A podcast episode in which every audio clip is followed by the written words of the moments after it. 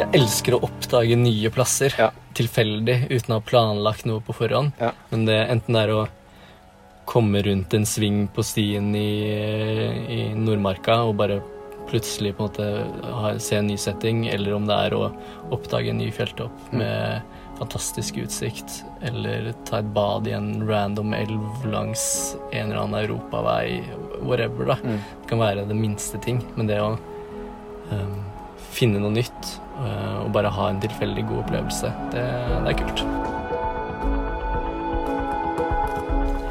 Jeg lever jo veldig etter den tanken om at mindre og færre forstyrrelser, ting å tenke på, er bedre, da. Og det går, handler ikke kanskje om det å automatisere, men det å fjerne støy og ting som ikke er viktig, sånn at jeg kan fokusere på det som gir meg glede, og det jeg setter pris på. Og det er jo det jeg gjør med det valget jeg har tatt nå. Kvitte meg med masse støff. Har bare liksom the basic av det jeg trenger for å um, overleve, egentlig. Og så fokuserer jeg på å ha kule opplevelser, lese bøker, ha menneskelig kontakt. Ja, gjøre det som gir meg glede.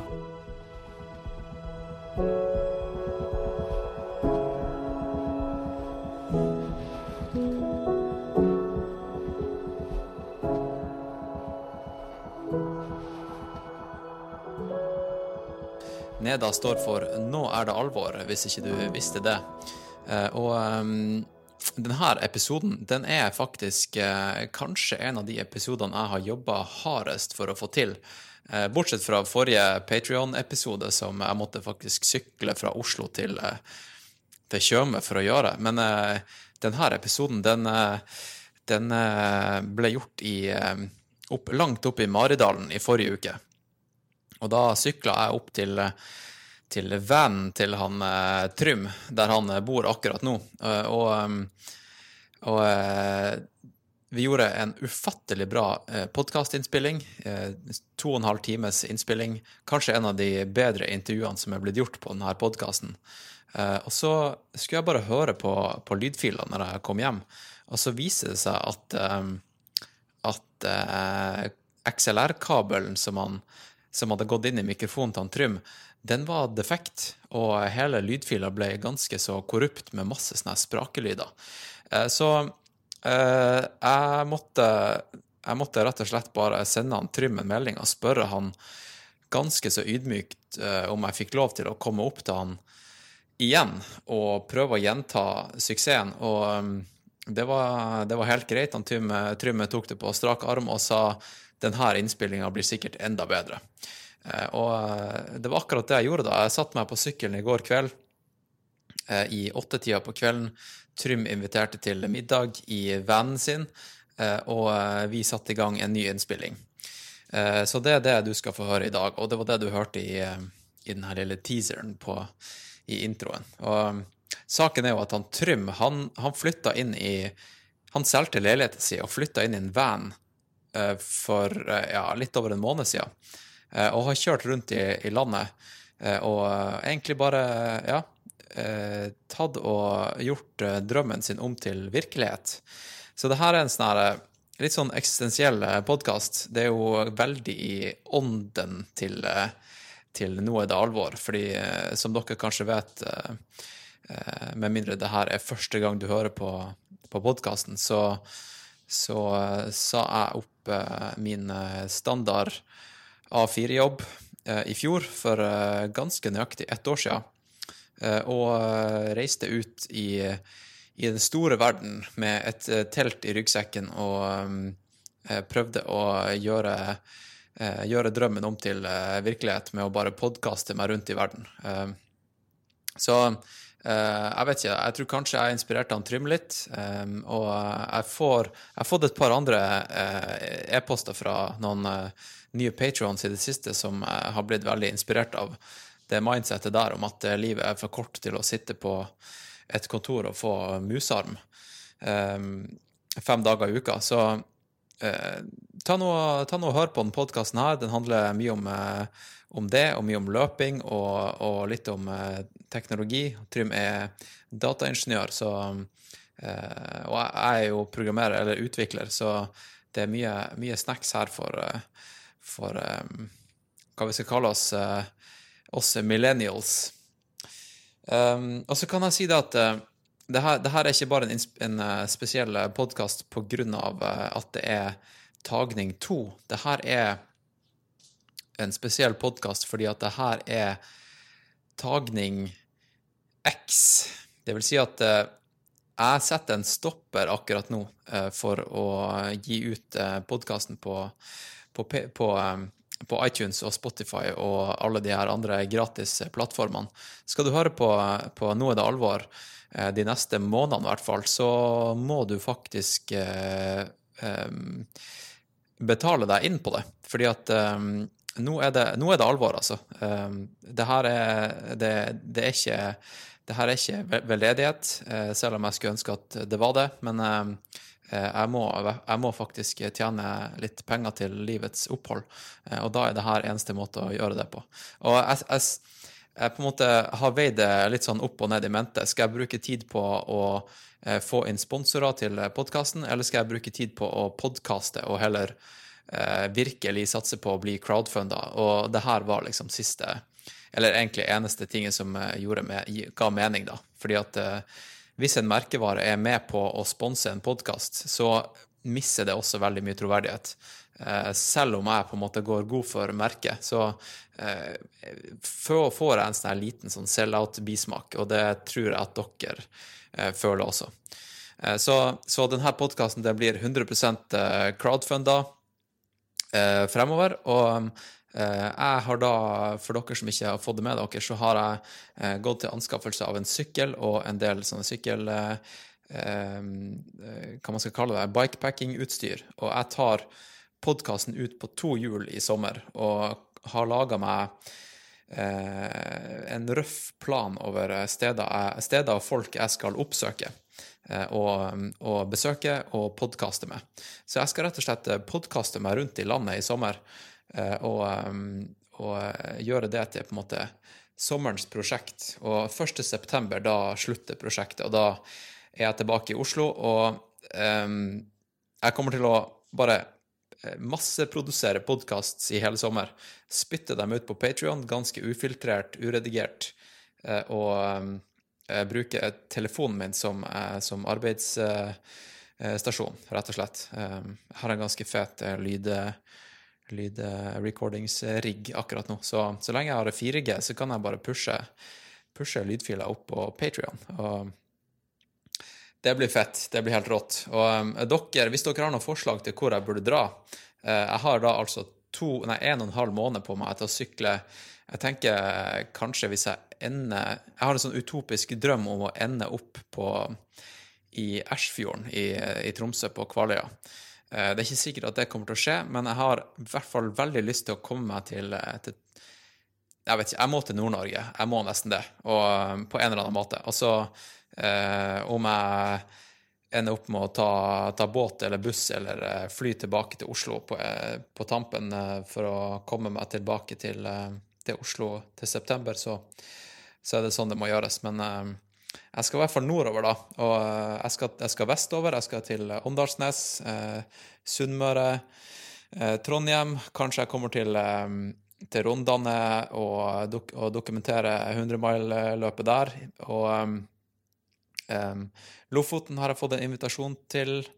Uh, Narvik og, um, og, Tromsø. Så uh, det er mye å, å, å se fram til her. Har, uh, nå står jeg i stua her og ser på alt utstyret som jeg har lagt foran meg her. Og det er liksom Det er sjukt å være så ufattelig mobil og kunne ha sovepose, liggeunderlag, telt, um, klatresko løpesko, primus eh, og alt av sånn sykkelmekkeutstyr, eh, skiftetøy Ja, vær, eller på en måte klær for å kunne tåle all type vær og, vær og vind også. Og, og få plass til det på, på, på sykkel, da. Det er jo helt crazy. Så i teorien nå så kan jeg leve med det her resten av livet. Og det det er veldig i tråd med dagens eh, tema til podkasten. Trym har, han har på en måte eh, vil jeg si at han har glamping-varianten av eh, det jeg kommer til å gjøre de neste månedene, men det er jo da sånn han lever permanent, så han skal få Det skal han få lov til. Det, mitt liv er på en måte Det jeg skal gjøre nå, det, det er jo veldig sånn midlertidig, så det, det, er ikke noe Det er ikke noe stress. Men eh, ja, jeg tror egentlig bare at vi tar og, vi tar og starter dagens episode. Og så vil jeg eh, takke alle som støtter meg på Patrion. Eh, alle nye patrions. Det har kommet et par nye helt eh, siden jeg, jeg flagga det her i, i, forrige episode med han Patrick, at jeg kom til å eh, legge det bak en eh, betalingsmur. Og så, eh, etter sommeren, da, så kommer jeg til å lage noen sånne Best of-episoder som kommer ut gratis, da, med med um, et par intervjuer fra sommerens eh, prosjekt. Og så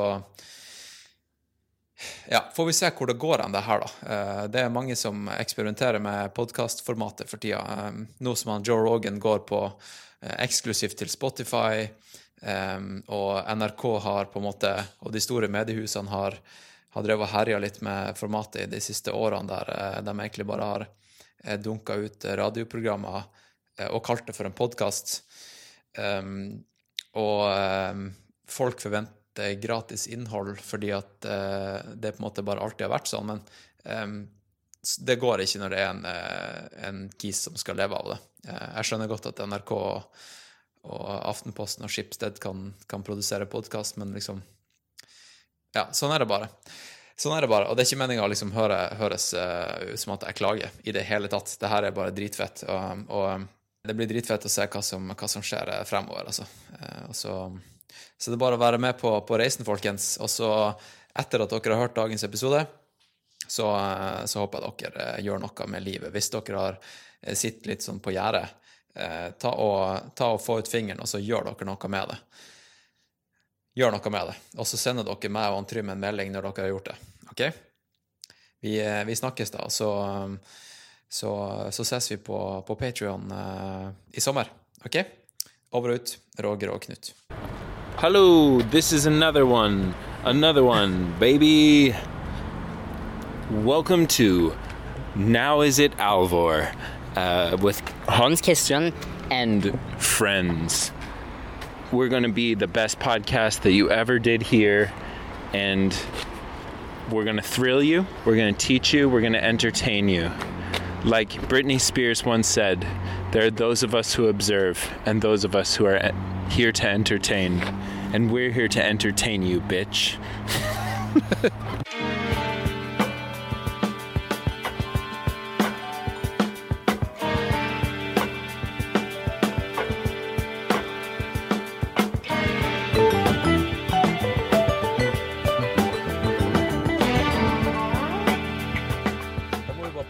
gjenskape det? Tror du det er vits å gjenskape, eller skal vi ta det i en annen retning?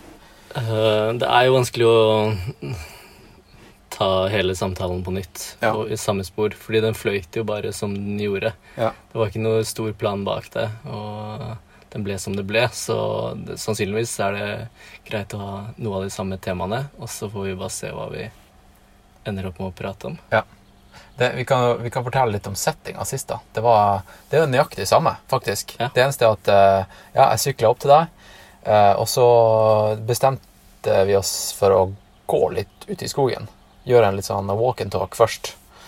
Eh, og så endte vi opp da tilbake i, i vanen din her, da, der vi sitter.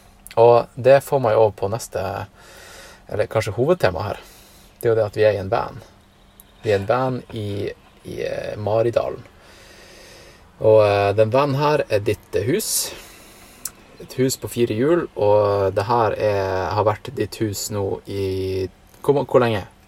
To uh, måneder? Jeg har hatt den i to måneder, og så har det ja. vært mitt eneste hjem den siste måneden. Ja. Det er drøyt. For, for veldig mange er det veldig drøyt. Ja det, mm. ja, det kan jeg forstå. Og det er det egentlig litt fortsatt for meg også, da. Det er mm. jo en ny setting. Eh, noe jeg fortsatt venner meg til. Um, men ja, det er ikke så drøyt som uh, man skulle tro, men det er jo uh, en, en, rar greie, da. Um, jeg er 27 år, og jeg tror ikke det er så veldig mange 27-åringer som tar det valget jeg har tatt, da, om å kjøpe seg en van og uh, ha det som heltidsbolig. Det er jo den alderen han Jimmy Henriks var da han døde. Den alderen han eh, Kurt Cobain var da han døde. Janis Joplin.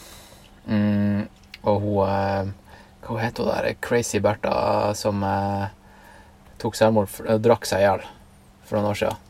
Hun eh, Amy Winehouse. Ja. Den alderen der er veldig eksistensiell. Ja. Det var, jeg hadde også en veldig eksistensiell periode rundt 27-28. Ikke sant? Jeg lurer på om det er noe. Har du hatt noe sånn her ekstra mye eh, eksistensielle tanker i det siste?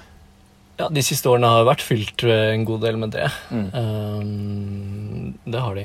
Uh, og jeg ser jo på det nesten som en sånn tidlig livskrise, Mm. nesten. Uh, der man Kanskje det er noe med at voksenlivet starta for fullt da, for to år siden. Ferdig med studier, i gang med arbeid. Bare sånn Er det dette livet skal uh, fylles med? Ja, nøyaktig jeg. Jeg hadde Ja, du akkurat det samme. det? Ja. Ja.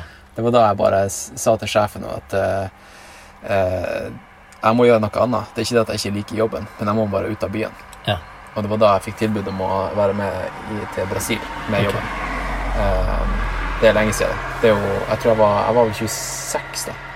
Ja.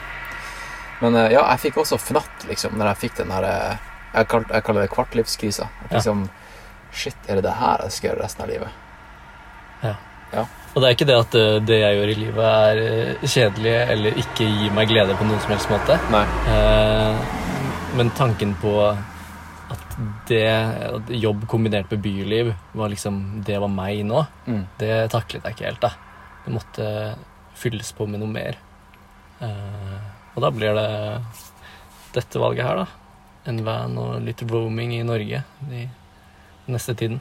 Ja, du, vi kan si det at uh, yrket ditt er jo et yrke som uh, lar seg kombinere med det her, da. Du Ja. kan ikke bare stikke ut. Du er ikke, du er ikke sånn uansvarlig lasaron. Kan vi Nei. jo bare eh, etablere. Ja, jeg jobber som software engineer, så så lenge jeg har en datamaskin og internett, så får jeg gjort jobben min ganske bra. Mm. Um, jeg jobber jo på et team med andre mennesker, uh, men man kan si mye negativt om korona og alt vi har vært igjennom de siste månedene, men det har eh, i, i hvert fall lært oss på min arbeidsplass at vi klarer å jobbe remote. Mm. Eh, og vi klarer å samarbeide over internett. Um, vi har videosamtaler osv. osv. Mm, mm. Den settingen fungerer, da. Ja, hvor du har reist, da?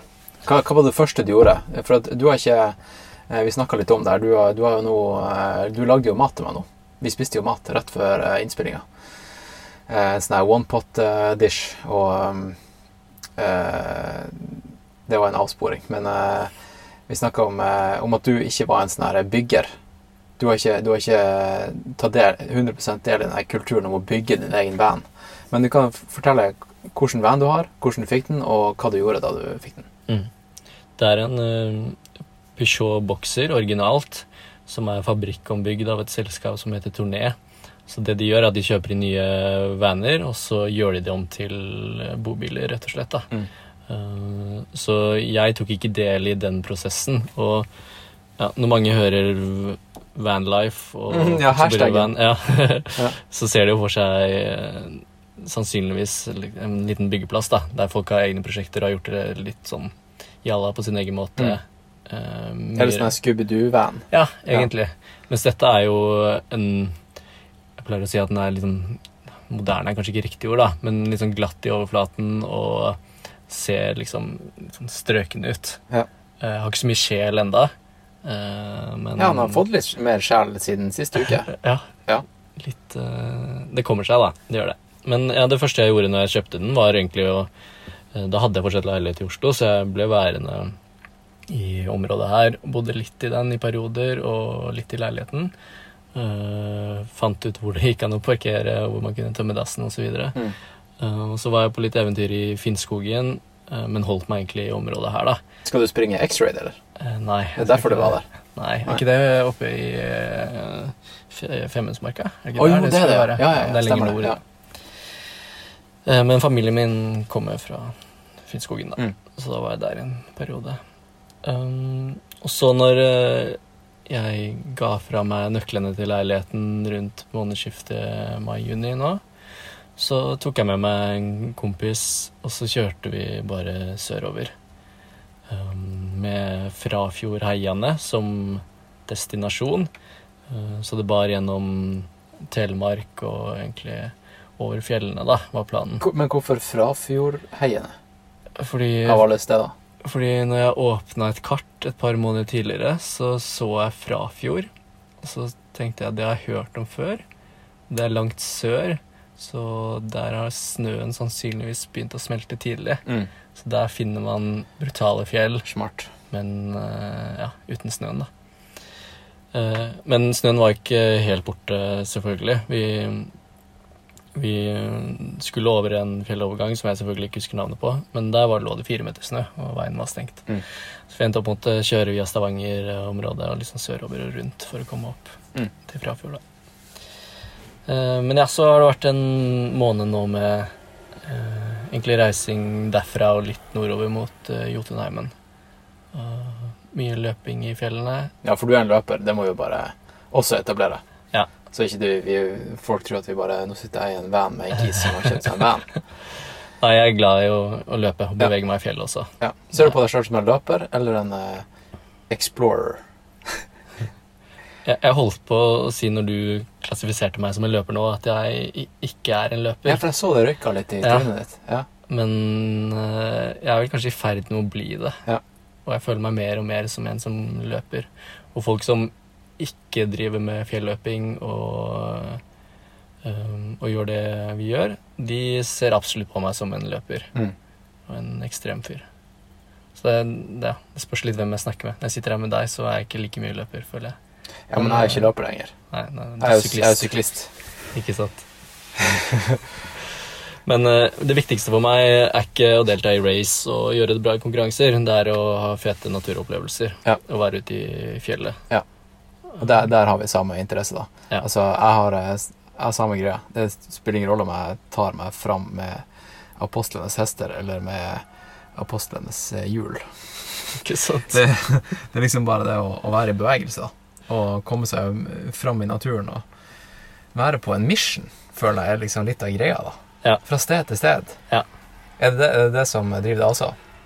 Jeg elsker å oppdage nye plasser Ja. tilfeldig uten å ha planlagt noe på forhånd. Ja. Men det enten det er å komme rundt en sving på stien i, i Nordmarka og bare plutselig på en måte ha, se en ny setting, eller om det er å oppdage en ny fjelltopp Mm. med fantastisk utsikt, eller ta et bad i en random elv langs en eller annen europavei, whatever, da. Mm. Det kan være det minste ting, men det å um, finne noe nytt og bare ha en tilfeldig god opplevelse, det, det er kult. Det er rått. Og de tingene skjer jo uplanlagt ofte. Og det er det, det, er det jeg syns er fett. Ja. Det er da eventyret starter. Du kan planlegge så mye du vil, men eh, plutselig så går alt gaiken. Ja. Og det, det er det som er fett, altså. Enig. Det alt går til helvete, det er fett. enig. Har du hatt noen sånne helvetesopplevelser hittil? Uh... Ja, du, du vi snakka jo om det her sist. Eh, vi snakka om eh, å føle seg trygg med soving og sånt. ja. Eh, og så eh, Se, nå kom det en syklist her. Hvis folk kan høre han. Rett ut av skogen. Nå sitter vi altså da i liksom langt inn i Maridalen, midt i skogen. Eh, rett med på en måte sti, stihode. Eh, hvis det heter det det på norsk? Stihode. Jeg tror Trailhead. ikke det, men eh, folk skjønner vel hva du Ja, mener. ja. Og vi kan se folk som eh, kommer inn og ut av stien. Mm. Ja. Det der med å føle seg trygg når man er ute og, ute og farter og skal sove. Du har jo, du har jo ikke en bobil. Du har en van Mm. som eh, eh, klassifiseres som en eh, personbil. Ja. Så du kan tillate deg å stå andre steder enn Eller steder der vanlige personbiler står. Stemmer. Du kan være der over, over natta, liksom. Eh, ja, det å føle seg trygg når man sover. Ja. Um, Fortell. I stor grad så har jeg liksom bare hatt gode opplevelser til nå, og, og føler meg, jeg føler meg trygg. Det gjør jeg. Uh, men det er noe med biler som parkerer utenfor, uh, rare lyder og sånn som kan som gjør at det føles litt usikkert innimellom. Uh, og så er det noen folk som bare er spesielle, rare, som ikke skjønner denne livsstilen, og som på en måte har et ønske om å si ifra. da. Mm. Så her i Maridalen så har det, kom det en fyr bort og var litt kritisk til at jeg valgte å parkere og overnatte her. Mm. eh, eller han ga beskjed om at eh, de, hvem nå enn de er, kommer ofte og kaster bort sånne som deg. Eh, du er liksom ikke velkommen her. Sånne som deg, ja. Ja. ja. Men han hadde ikke noe problem med det selv, da. Det var viktig å poengtere. Det var Mm. helt greit for han, men måtte bli forventa å liksom bli kasta bort. Og, og den type opplevelser er liksom Selv om jeg føler meg helt trygg eh, og prøver å ta hensyn og føler at jeg ikke gjør noe galt når jeg bare parkerer tilfeldige steder, så skaper det en litt sånn tvil, da. Og litt usikkerhet om at ja, bør jeg egentlig være her? Er jeg til bry for folk? Hva, Mm. Tenker de som gikk forbi nå? ja. De kan jo bli redd, til og med. Ja. Tenker sånn her, hva gjør jeg? Nå blir jeg usikker. her. Er han der en, eh, Ikke sant? ja, en eh, bil lasta med bomber, liksom? Ja. Egentlig så er bilen bare lasta med løpesko og litt, uh, litt pasta. Men uh, hvor er løpeskoene, forresten? Uh, De er rundt omkring. Eh, Under der jeg sitter, er det to par, og så har vi fem-seks par i det Ja. skapet under kjøleskapet. Hva du springer med for tida? Hva er liksom go to-paret ditt? Eh, Det går mye hooka-sko, og jeg rullerer mellom Speedgoat, um, Challenger ATR og Torrent, okay. hovedsakelig. Så har jeg noen New Balance-sko for lette dager på uh, litt enkel grus. Eller, Når du vil ha det ekstra morsomt. ja. Tar det fram New Balance. Du, han der som kom og kritiserte deg, det, det hører jo til historien hva han hadde på seg. Sier man det, altså? Ja, det syns jeg. Og det spurte jeg deg om sist, sist uke også. Det var liksom Jeg spurte deg, det var ikke du som sa det. Jeg bare spurte hva, hvordan sko hadde han på seg, fordi det sier veldig mye om, om personen. Ikke sant? Og da, da svarte du Hva svarte du?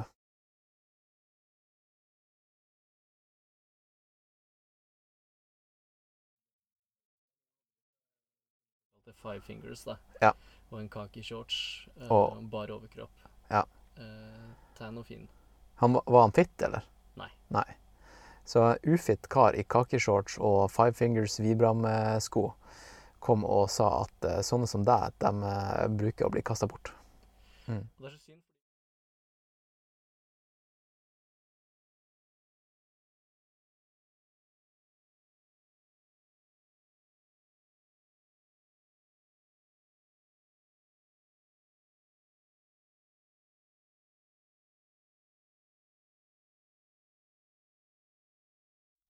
De har fått en større forståelse for hva jeg holder på med. Og du har vært ærlig med dem? Ja, ja, ja. Ja, ok. Ja. Men det er jeg alltid. Du har ikke sagt sånn her 'Jeg skal bare være her i natt'. Nei. Jeg er på vei til uh... Jeg sier hva jeg gjør. Ja. Men jeg, jeg prøver liksom Jeg framer jo meg som uh, Jeg gir dem litt info om livet mitt, da. Mm. Og, og de fleste synes bare det er sykt interessant, da. Begynner å fortelle om egne eventyr. Eller eventyr de har tenkt på, i hvert fall. Ja, det er fett. Og valg de skulle ønske de tok. Og bare Ja. Det er framtiden, da. Det jeg holder på med. Ja. Og det er alltid gøy å se folk som er litt i tvil, men som ender opp med å få en større forståelse for den livsstilen som jeg er på jakt etter. Det er fett. Det sier mye om deg, da, måten du reagerer på, istedenfor å klikke tilbake og, eh, og kritisere eh, Vibram-skoene. At du ja, imøtekommer og prøver å inkludere dem.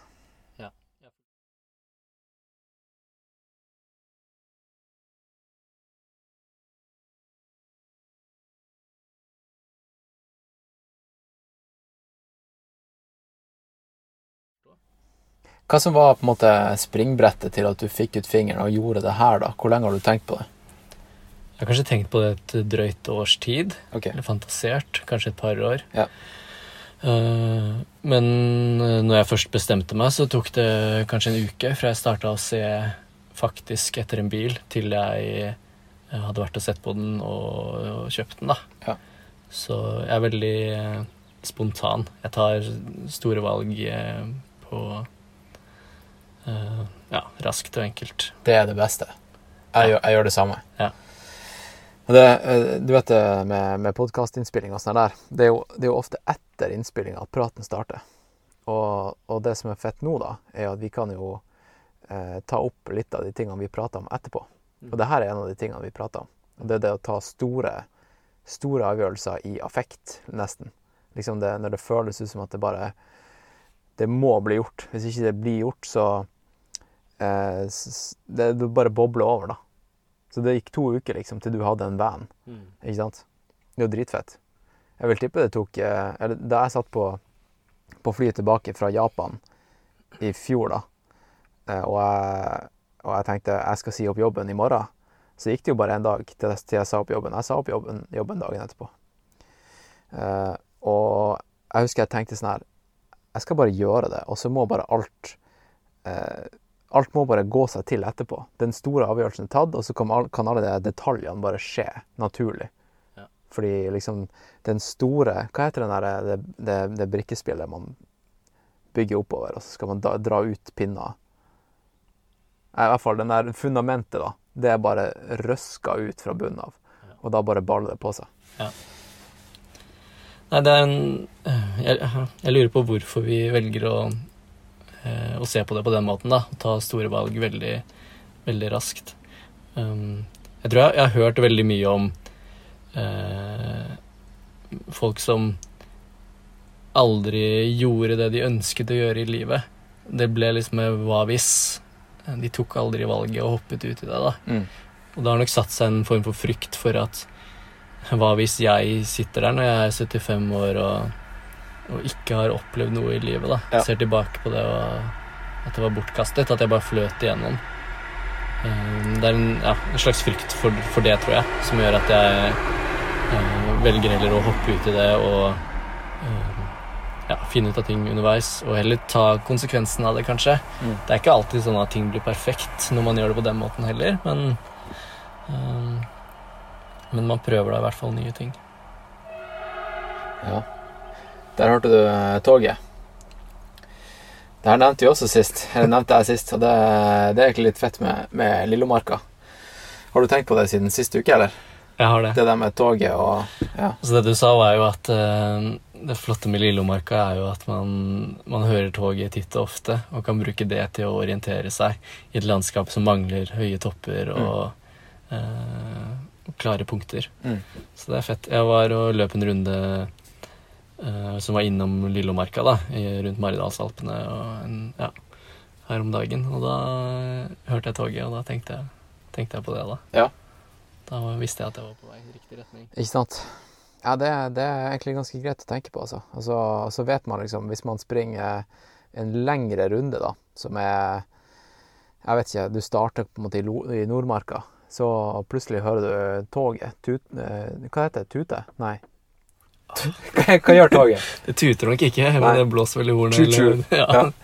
Uh, når du hører toget, så vet du liksom at Lillomarka ikke er langt unna. Mm. Og så er liksom den måten det, eh, det tuter på, det er, det er sånn koselig lyd, da. Det setter liksom en sånn lyd til Lillomarka. Nesten så det, det, det er nesten litt kraftigere enn en lukt.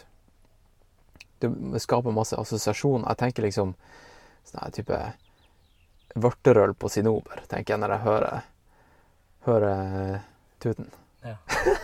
Det er morsomt at dere som eh, jeg håper å si, har vokst opp i Lillemarka, men i hvert fall bruker mye tid der, da, Ja. uh, har blitt sånn liksom godt kjent med toget og har kule assosiasjoner til det. Ja, så jeg var jo og sykla forrige for et par uker siden, en, en sånn firedagers uh, tur. Eh, og da var jeg i Gjøvik. Og da slo det meg liksom at ja, det er her Gjøvik-toget går til. Ja. og så uh, møtte jeg ei ta gammel tante på Raufoss, og hun sa at uh, i gamle dager så var det vanlig å ta toget inn til Gjøvik og gå tilbake gjennom marka. Og ende opp på Kjelsås. Det er en ekstrem tur, da. Det er en ekstrem tur, men det var liksom en greie, da. Ja. Det er dritfett. Ja, det er dritrått. Jeg hadde en slags lignende opplevelse når jeg var ute på eh, norgesferie. Mm. Jeg um, har vokst opp, eller bodd store deler av livet mitt i Kongsvinger, eh, på Finnskogen, eller i nærheten av Finnskogen. Uh, og der er det fantastisk uh, furuskog. Og, og alle som har beveget seg gjennom en liksom, tett furuskog, vet at lukten som man kjenner der, er veldig sånn, unik og spesiell. Mm. Eh, og jeg har ikke tenkt så mye over at eh, det var noe jeg forbinder med lykke og gode opplevelser.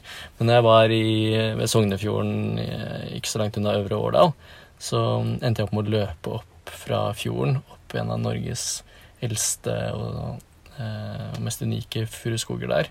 Og fikk sånn veldig assosiasjoner til det å være hjemme, da. Alright. Spille golf, gå tur i skogen. Det, bare, det gjorde den opplevelsen veldig spesiell. Mm. Uh, ja, det var kult. Ja, Hva er, hva er hjemme, da? Vi har jo ikke tatt den her bakgrunnshistorien. Nei, ikke sant? Hva- Du, du sa du var 27 år gammel, og det betyr at du er født i 1992? 92, ja. Så jeg har bodd halve livet, halve barndommen, i Bærum. Første halvdel, og så flyttet vi når jeg var tolv år, til Kongsvinger. Mm. Eh, Så fra Bærumslivet til eh, ja, småbruk og bondegård. Så har jeg bodd eh, resten av barndommen der, da. Eh, Så det er det jeg ser på som hjemme. Det er eh, småbruket der mamma fortsatt bor. Ja. På Brandval i Kongsvinger. Eh, Det er det. Mm. Skulle jeg ta hele barndomshistorien? Ja, og-. Ja, det, vi trenger ikke gå så veldig dypt i det, liksom. Nei. Det er interessant at eh, det med idrett Jeg har drevet med mye idrett uh, opp gjennom åra. Um, veldig mye forskjellig. Og løping var liksom aldri min greie. Så det er spesielt at jeg har funnet fram til det akkurat nå. da Holdt på med fotball og håndball og hockey og Du skiskyting. sprang jo når du spilte fotball. Ja, men, men det er annerledes, da. Ja. Og løpetreningene vi hadde med fotballaget, der vi løp rundt rundt grusbanen mot 3000 meter, og Ja. hata jo livet. Jeg likte jo ikke å løpe i det hele tatt. Det, jeg forbandt det med noe som var vondt og kjedelig. Mm. Men eh, jeg fant, fant det senere i livet, da. Gleden. Uh, Løping er en sjuk greie, altså, for at det er bare en sånn enkel bevegelse. Jeg, tenk, jeg har tenkt på det litt nå når jeg har vært skada en god stund. Altså, det er jo bare å putte føttene litt raskt foran hverandre, og så kaller man det løping, og så er det en greie, liksom. Det er jo bare det. Det er jo egentlig ikke Det er jo ikke noe big deal. man trenger bare noen sko og en shorts. Og Ja, ja, men det er jo liksom klisjé. Men hvis du tenker hvor banalt det egentlig er, da, det at det liksom danner seg kulturer rundt det her. Eh, sånn her eh, Skyblazers og masse løpegrupper rundt omkring i verden, og det er maraton, og det er blitt virkelig en greie, da. Mm. Bare det å bevege seg. Det er jo helt crazy. Ja. Og så blir, man, så blir, blir det en del av, en del av eh, identiteten din, og så Bare det å bevege seg. Det er jo helt sjukt. Ja. Absolutt. Men eh, ja, eh, løping, da. Du når, Hvordan kom det her inn i livet? Hvor lenge har du løpt?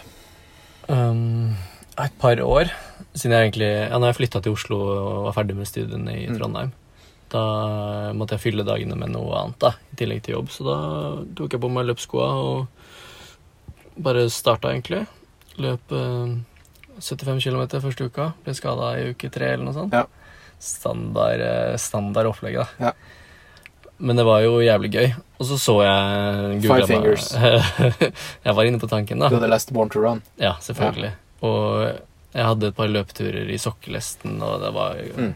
Testa mye forskjellig, da. Eh, men jeg kjøpte meg aldri Five Fingers. Jeg gjorde ikke det. Men jeg, jeg så jo at det skjedde mye fett i miljøet i Oslo.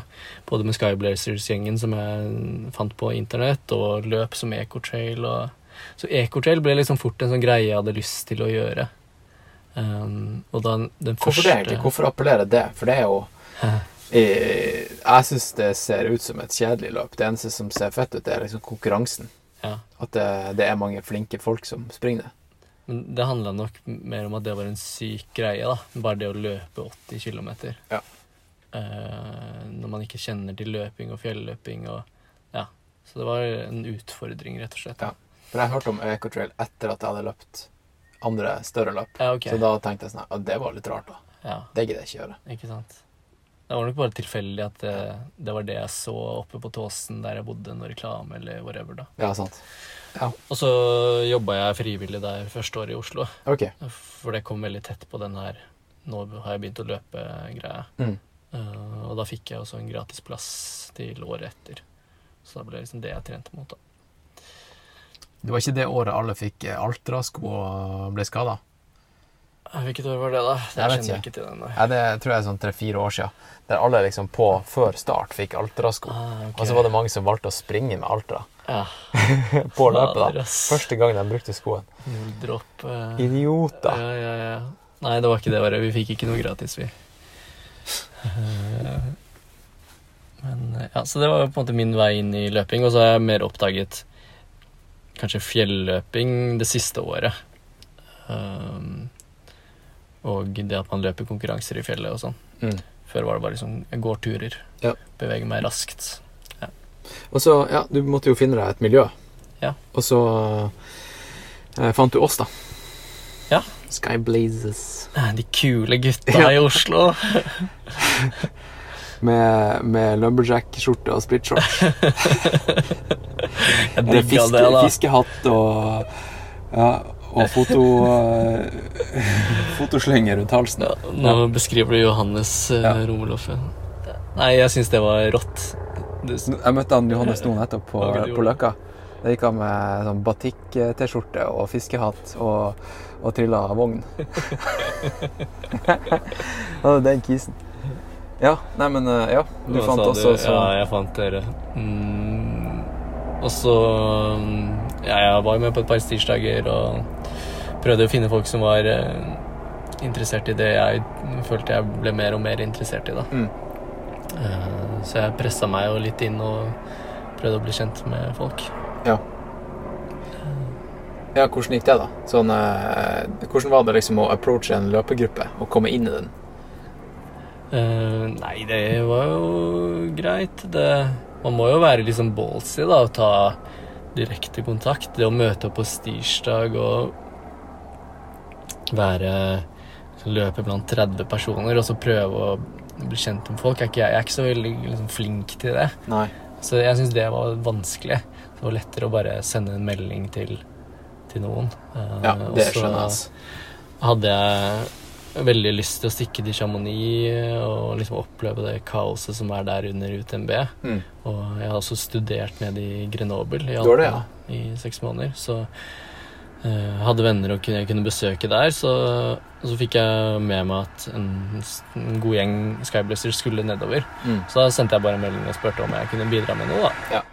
Ja, for den meldinga husker jeg godt. Da, da skrev du eh, at eh, livet var for kort til å ikke være på UTMB eh, og hjelpe til eh, med Skyblazers og crewet.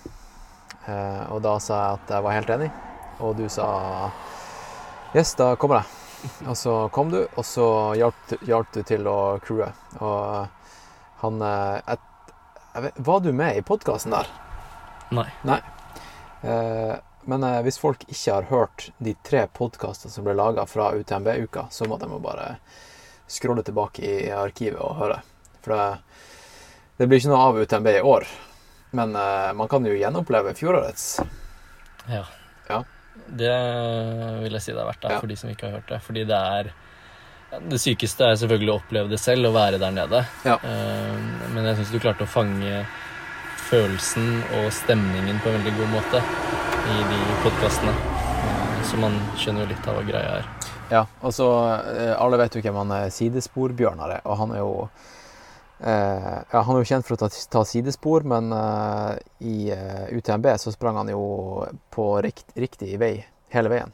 Men da knakk han Hva var det som skjedde? For du, du kom til unnsetning. Altså, jeg, jeg skulle egentlig crewe på den første mm, stasjonen etter sånn tre mil eller noe sånt, Mm. eh, og stakk dit. Det er jo en ettermiddagsstart, så jeg var der tidlig på kvelden og hjalp eh, Bjørnar eh, med litt mat og påfyll og noen hyggelige ord. Um, og så fløy jo han av gårde gjennom natta, og da skjedde det et eller annet. da. Han knakk en stav og ødela noen greier. Mm. Så han var jo litt fucked der ute. Hadde Ja. jo jævlig langt igjen. Ja. Um, men uh, da vi hadde en sånn gruppechat, uh, jeg, Johannes og Henriette, som, som fløy rundt der. Og da fikk jeg med meg at han hadde ødelagt staven. da. Så da uh, sto jeg opp i tre-fire på natta og kasta meg på bussen fra Chamonix gjennom fjellet til den italienske byen som heter Cormayeur. Cormayeur. Hvor var du da Bjørnar, sidesporbjørnar brakk staven? Ikke sant? Oi. Ja, men det var dritfett, da. Ja, Så var gitt han et par staver. Også. Man of the hour. Dagens mann. jeg tror han satte pris på det. Ja. Det var hyggelig å kunne hjelpe til. Eh, ja, hva jeg, skulle, hva jeg tenkte på nå? Åh, det var et eller annet jeg tenkte på. Ah, nå, ja, det kommer sikkert fram. Det kommer sikkert om ti sekunder. Uh, men ok. Uh, jo, eh, jo. Forrige uke så, så Fordi vi driver og snakker om liksom, skal vi åpne tirsdag igjen som liksom offisiell gruppeøkt. Og han Bjørnar har vært supergira på det her, da. For han er jo veldig sånn sosial av seg og ja, elsker Stirsdag overalt på jord. Så ble vi enige om liksom OK, vi ser det litt an. Eh, vi må følge sm- smittevernregler og alt sånt der, men vi kan jo løpe sammen, da. Så vi hadde en sånn gruppechat, jeg og Bjørnar og kanskje fire-fem andre. Eh, og så, så var det ingen andre som, som kunne stille, men jeg kunne stille. Eh, så jeg og Bjørnar sprang sammen, og det var vel for to uker siden sånt. Og så, så sender han Bjørnar meg da umiddelbart en privatmelding, og så sier han ja, dritfett at du er med og springer stirsdag, Hans men eh, hva om vi tar denne stien? en annen sti. Så allerede før turen så hadde han funnet, funnet et sidespor, da. Og så, um, når vi, når vi var ute, eller da vi var ute og sprang, da, så, så stoppa han jo hele tida underveis og fant sidespor. Og vi, eh, vi stoppa og, og fiksa løypa. da. Plukka, eller han plukka søppel. Eh, vi stoppa med ei sånn bru som er rett oppi høyet her, og liksom fiksa plankene som var litt sånn lealøse. Eh, og bare fiksa stien. da. Jævla kult. Så shout-out til eh, han Sidespor-Bjørnar.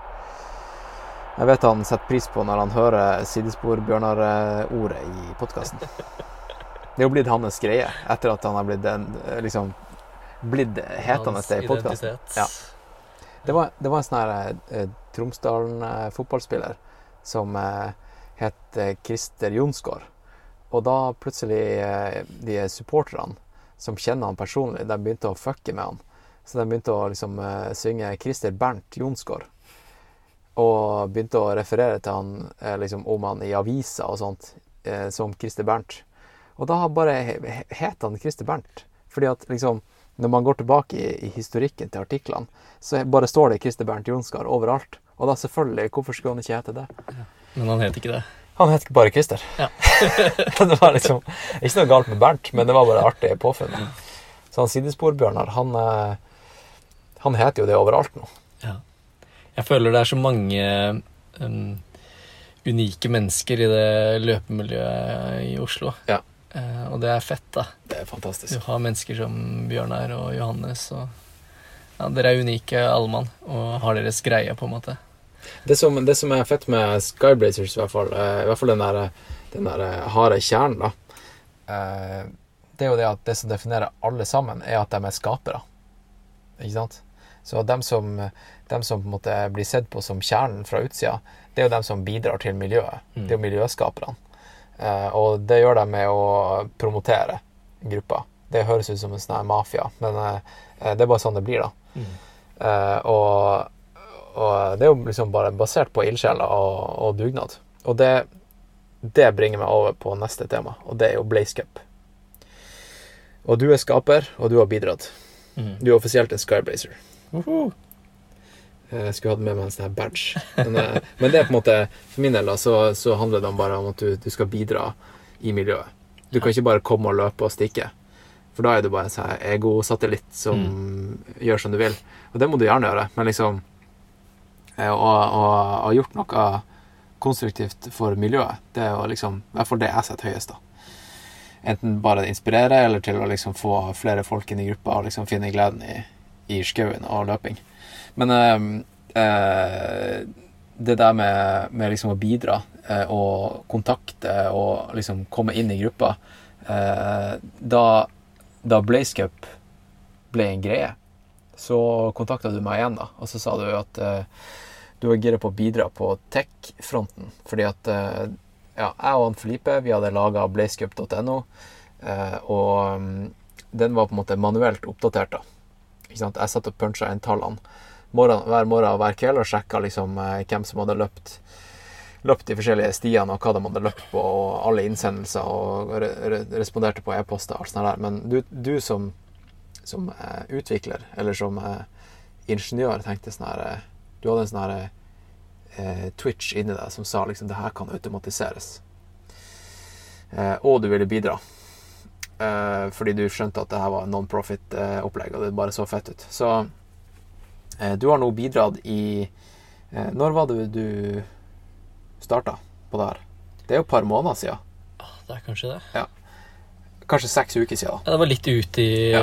ut i Var det mai, mai det starta? 1. Ja, mai? ja. Så det var litt etter det. Mm. En uke eller noe sånt. Ja.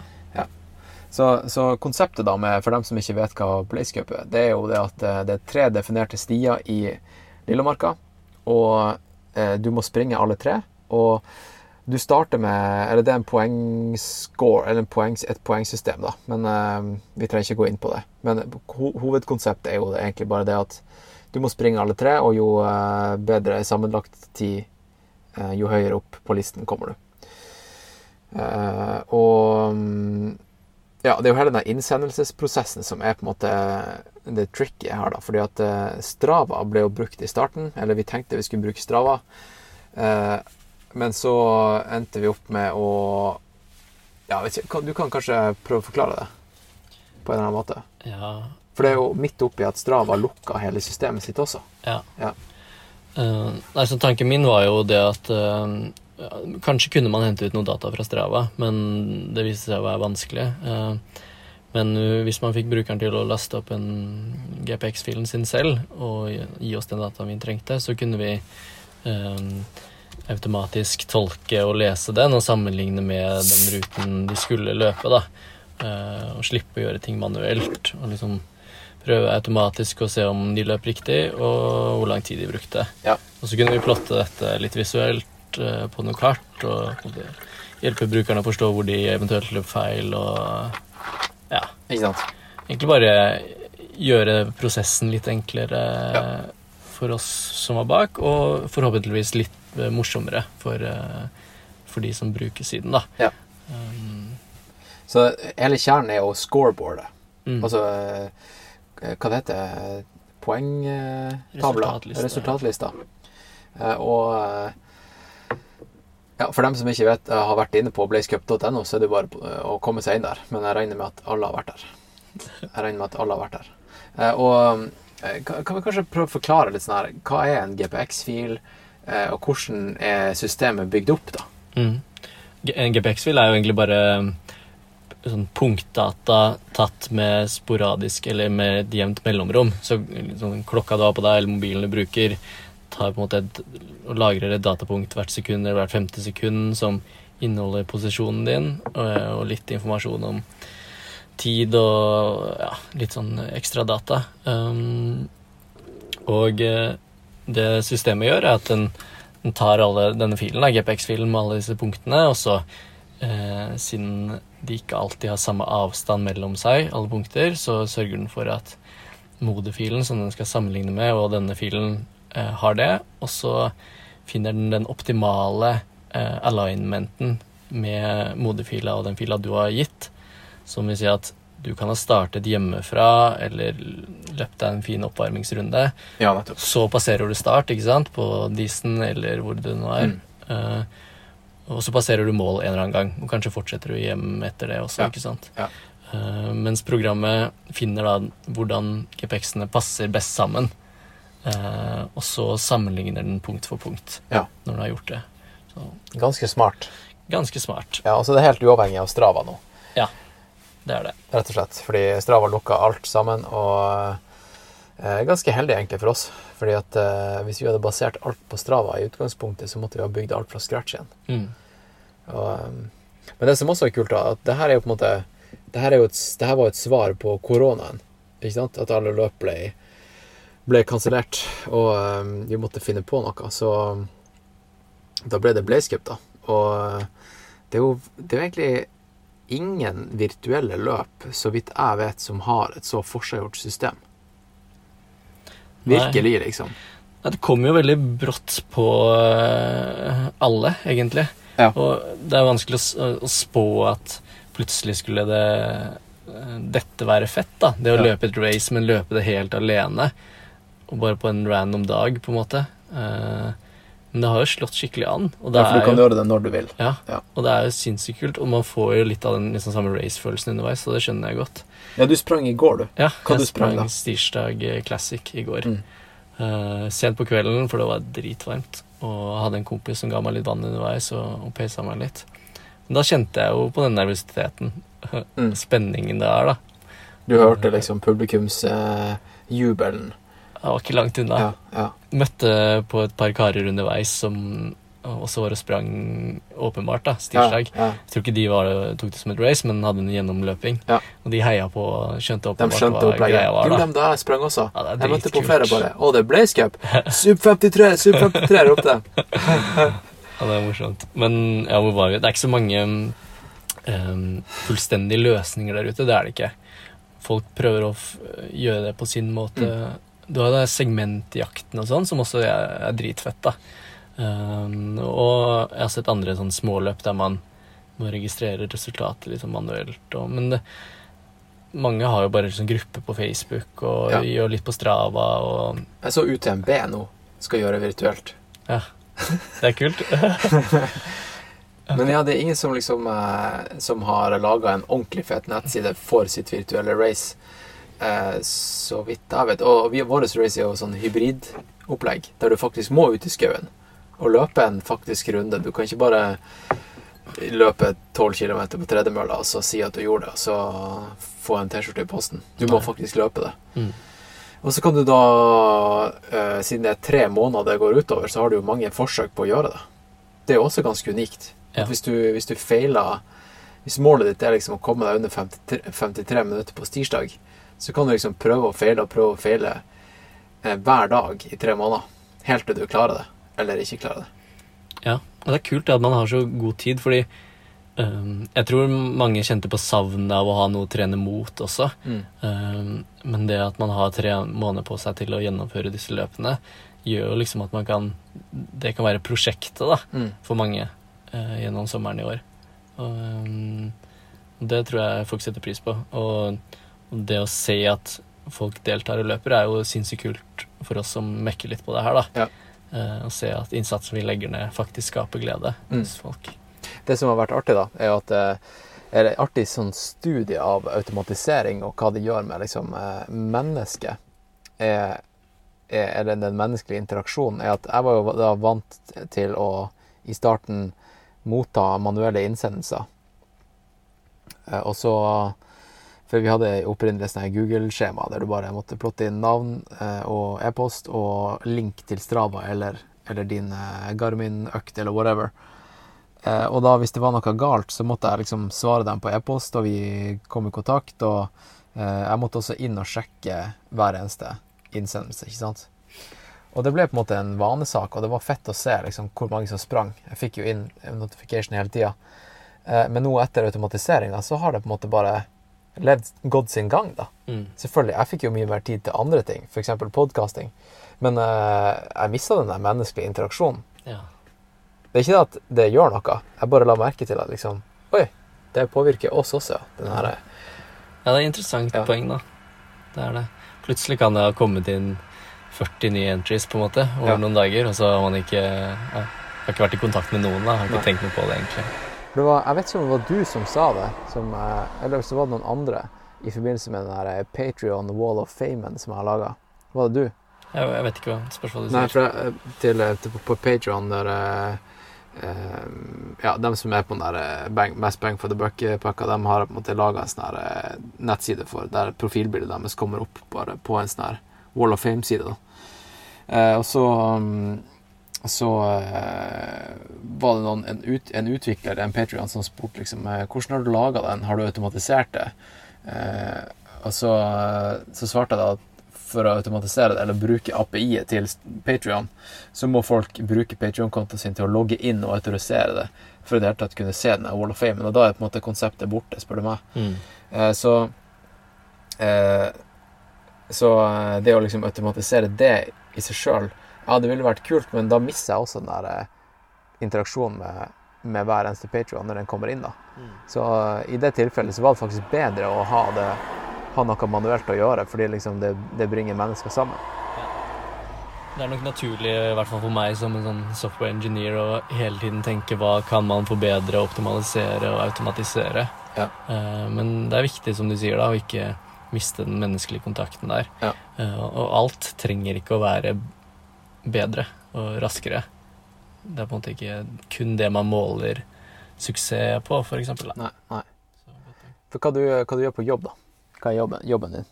Jeg jobber for eh, et selskap som heter Spacemaker. Shout-out til Spacemaker. Takk. Takk. Eh, vi lager programvare for eh, boligbyggere, arkitekter. et samarbeidsverktøy, egentlig, som optimaliserer utnyttelsen av store tomter. Så når man skal bygge stort, så er det ikke en gitt hvordan man skal bygge, og det er vanskelig for et menneske, en arkitekt, å teste ut alle mulige eh, måter å plassere ut eh, boligbygg, f.eks., på en tomt. Så da stepper vi inn med masse datakraft, matematikk, kunstig intelligens, og hjelper arkitekten å ta smarte valg fra dag én i prosessen.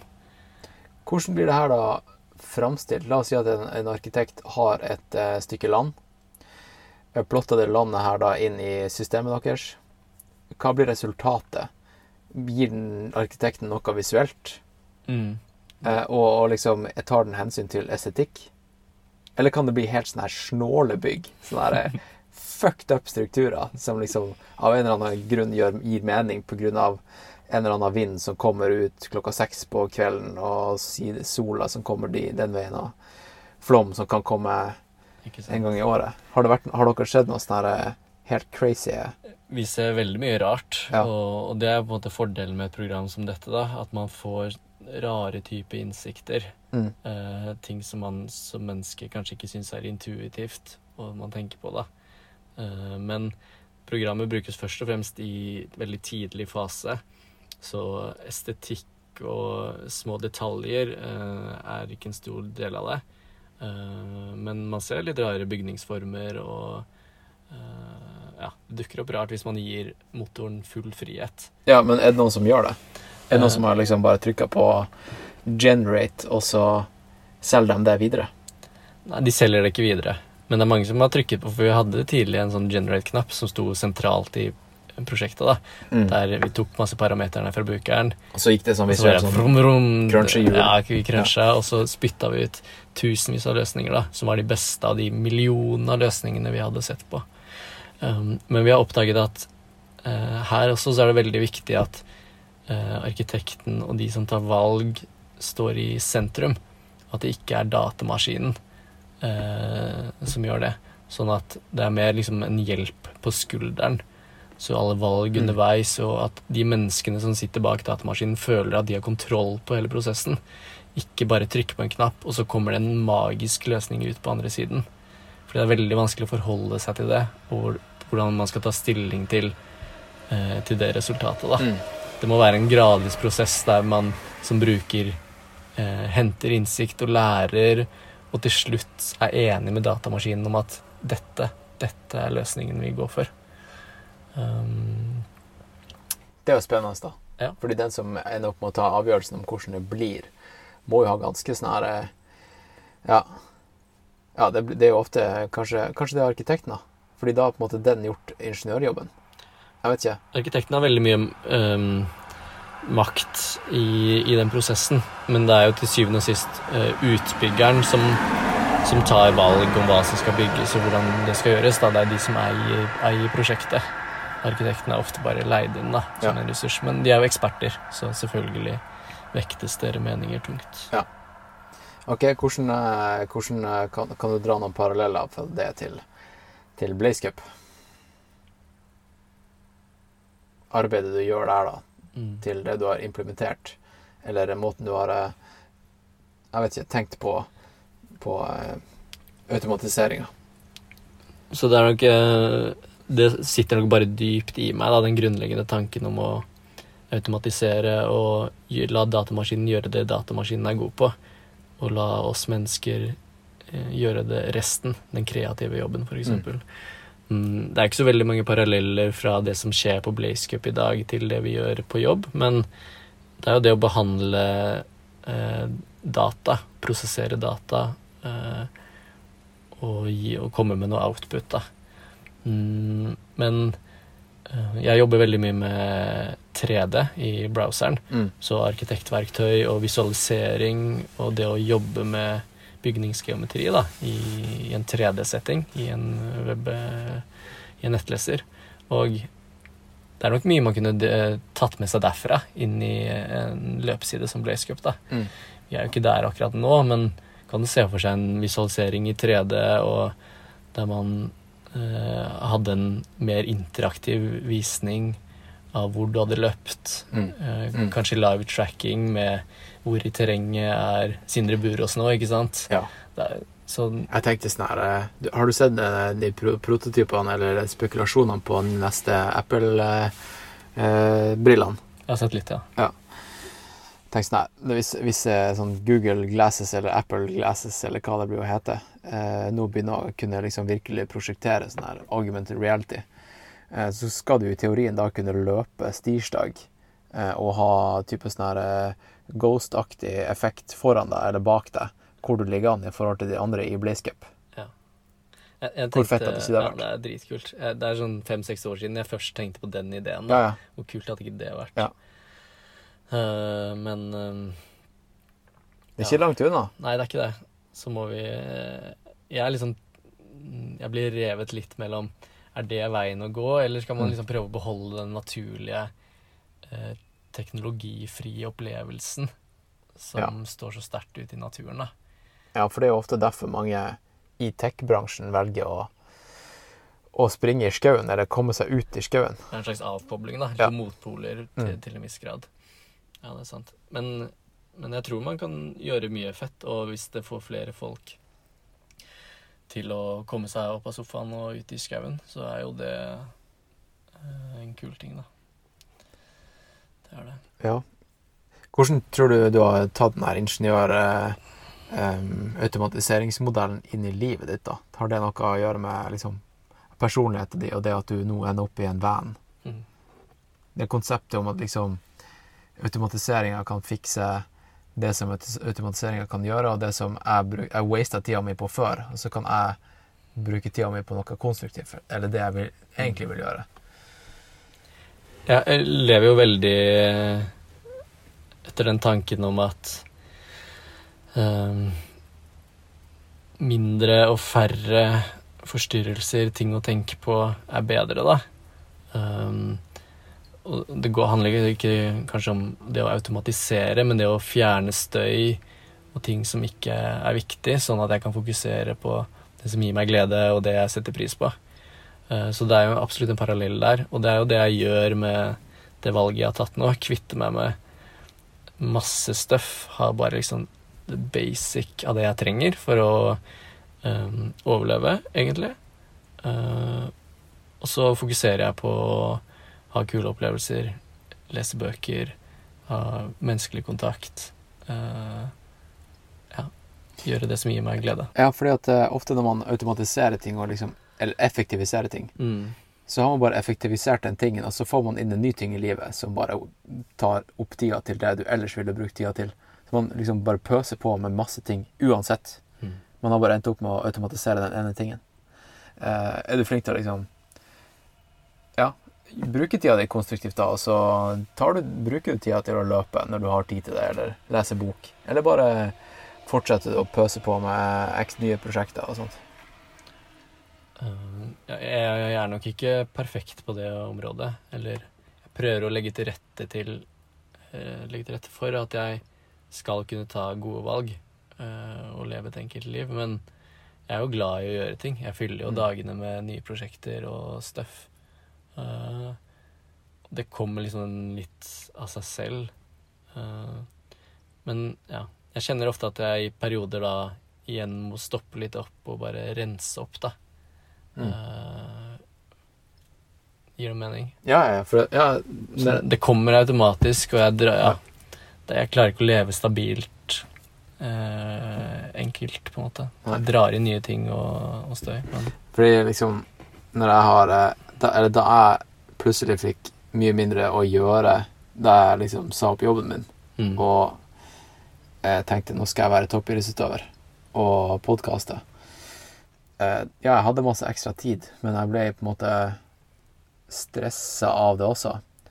Jeg følte ikke at jeg kunne være en sånn her eh, Jeg husker at Mo Farah, da jeg var på hotellrommet hans i Etiopia, så lå han og, og lagkompisen der bare og spilte PlayStation. Når, og, og gikk og sov mellom øktene. Men jeg følte liksom at det var bare waste of time, da. Å bare sove og spille PlayStation som en mann i 30-årene. Det syns jeg bare var barnslig, egentlig. Mm. Eh, og det at han Petter Northug var- sov liksom 16 timer i døgnet Ikke sant? Det er jo, det er jo helt eh, sjukt. Jeg ville aldri klart det. Det er derfor jeg aldri jeg ville aldri klart å, å være en, en som nådde topp, topp, toppen liksom på, på maraton, eller de der super VO2 Max-pushe-type idrettene der. Der det kun handler om å prestere i idrett og sove og prestere og sove og prestere. For liksom Nei, jeg, jeg må i hvert fall fylle tida med noe konstruktivt. Og hvis jeg ikke gjør det, så blir jeg stressa. At jeg liksom waster livet, da. Ja. Jeg har tenkt mange av de samme tankene, da. Eh, men jeg prøver eh, å være mindre streng mot meg selv Mm. også. Eh, for jeg hadde en tendens til å Deprimert er, er feil å si, men kjenne litt på den skyldfølelsen. da Når jeg hadde, Ja. Hvis jeg hadde kastet bort en kveld og se på YouTube-videoer, eller ikke gjort noe konstruktivt, som du sier, da. Ikke Ja. fylt hvert minutt med noe, noe bra. Så påvirka det meg negativt.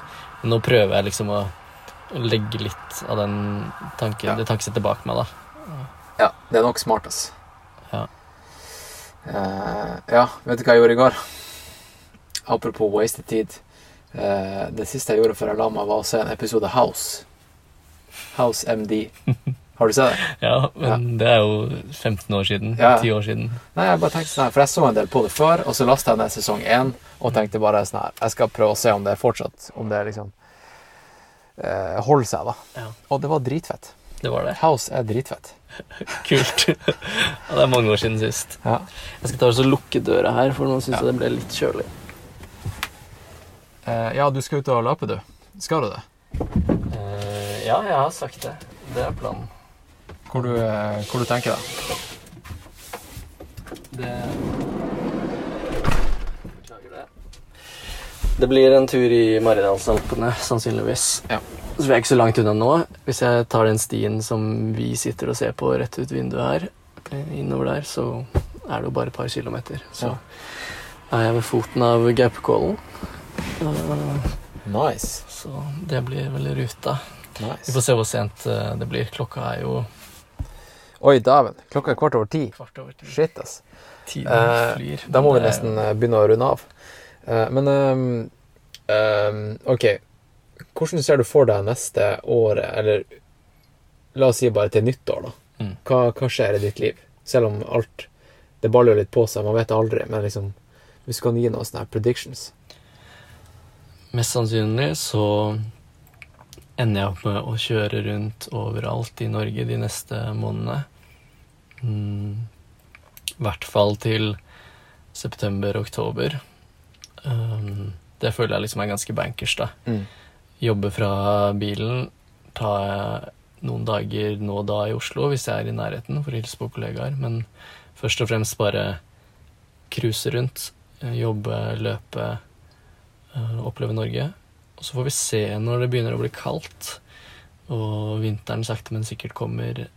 Da er jeg ikke helt sikker på hva som skjer. Um, vanen er jo vinterisolert og bygd for vinterbruk. Har dieselvarmer, og det går fint å bruke den om vinteren. Um, men jeg vet ikke om jeg kommer til å trives med det eller ikke, da. Nei. Hadde du tenkt å kjøre syd sydover?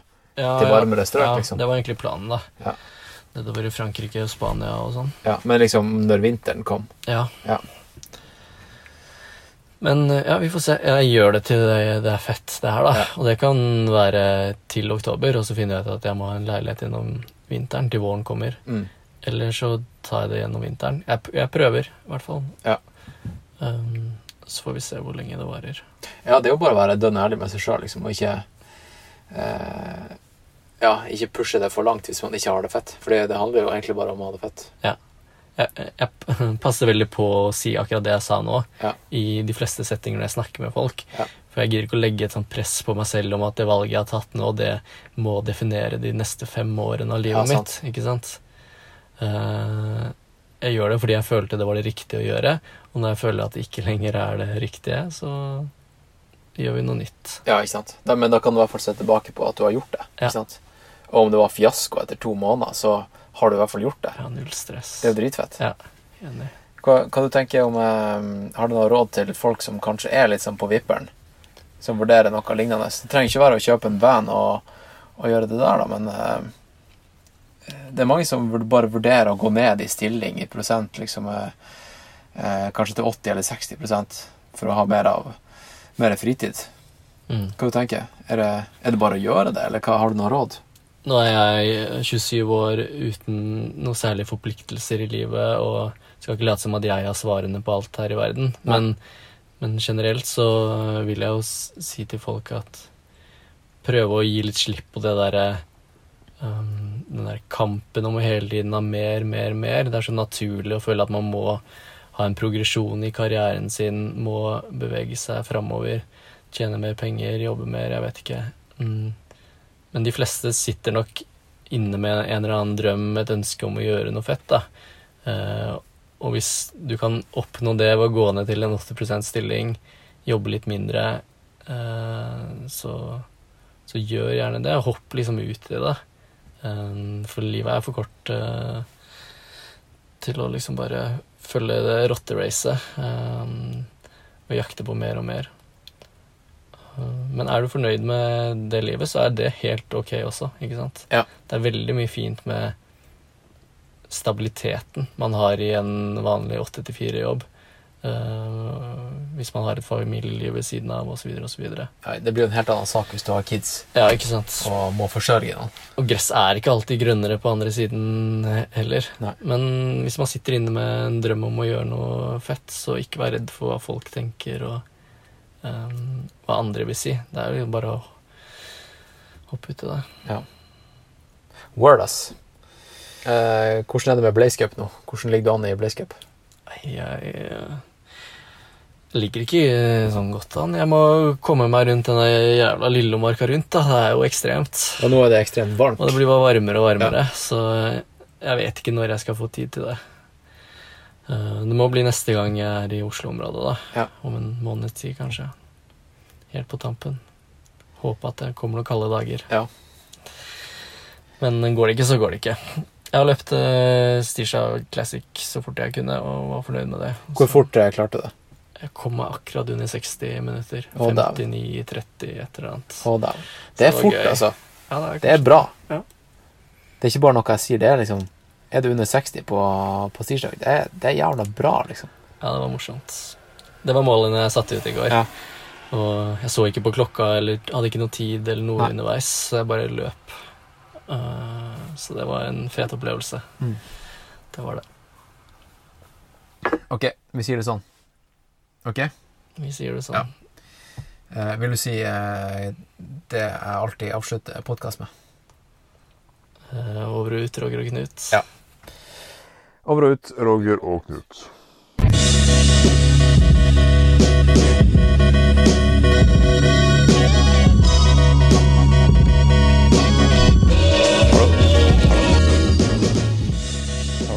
Folkens. Det var dagens eh, episode. Jeg håper dere eh, satte pris på den. Og eh, som jeg sa i introen, så ta og send meg og han Trym en, en melding om du, om du på en måte Jeg vet ikke om denne episoden fikk deg til til å gjøre noe Gjøre, gjøre noe ut av din nåværende livssituasjon og finne på noe sprell. Det er jo alltid fett å, å høre hvordan podkasten påvirker, påvirker folk. Ehm, du, ja, mens du har hørt på podkasten, så har jeg faktisk spist lunsj. Og um, eh, nå driver jeg og For jeg bor jo på en sånn Airbnb på Grønland, og jeg driver og spiser meg, spiser meg ut av eh, kjøleskapet, holdt jeg på å si.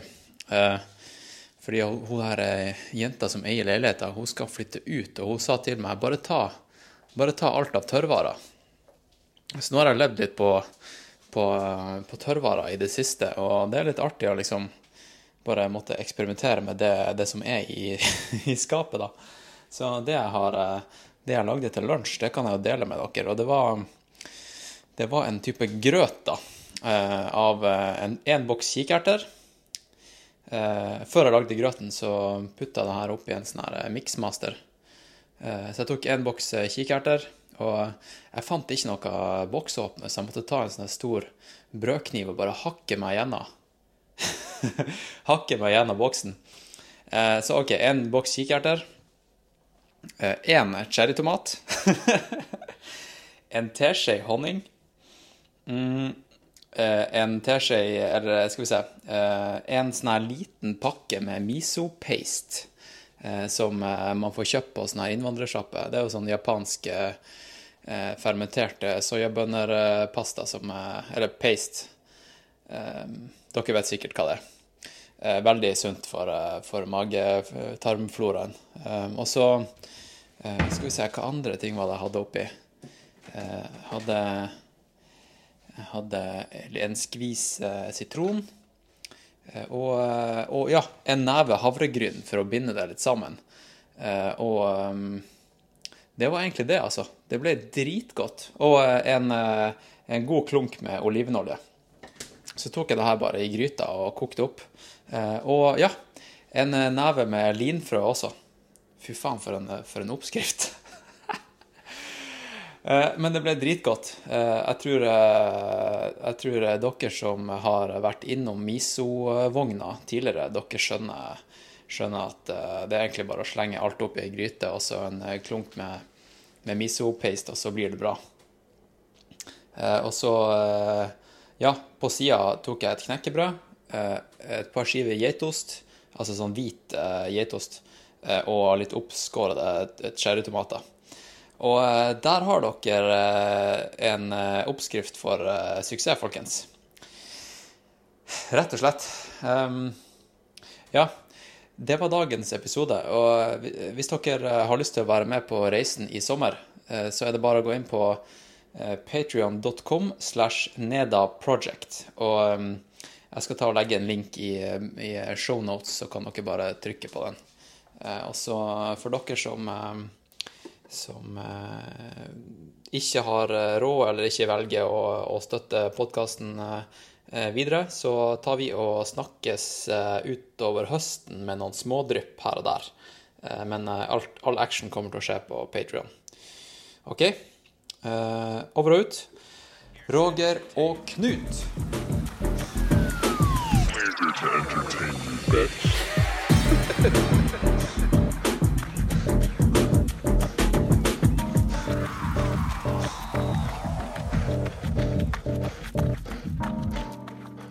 Roger og Knut.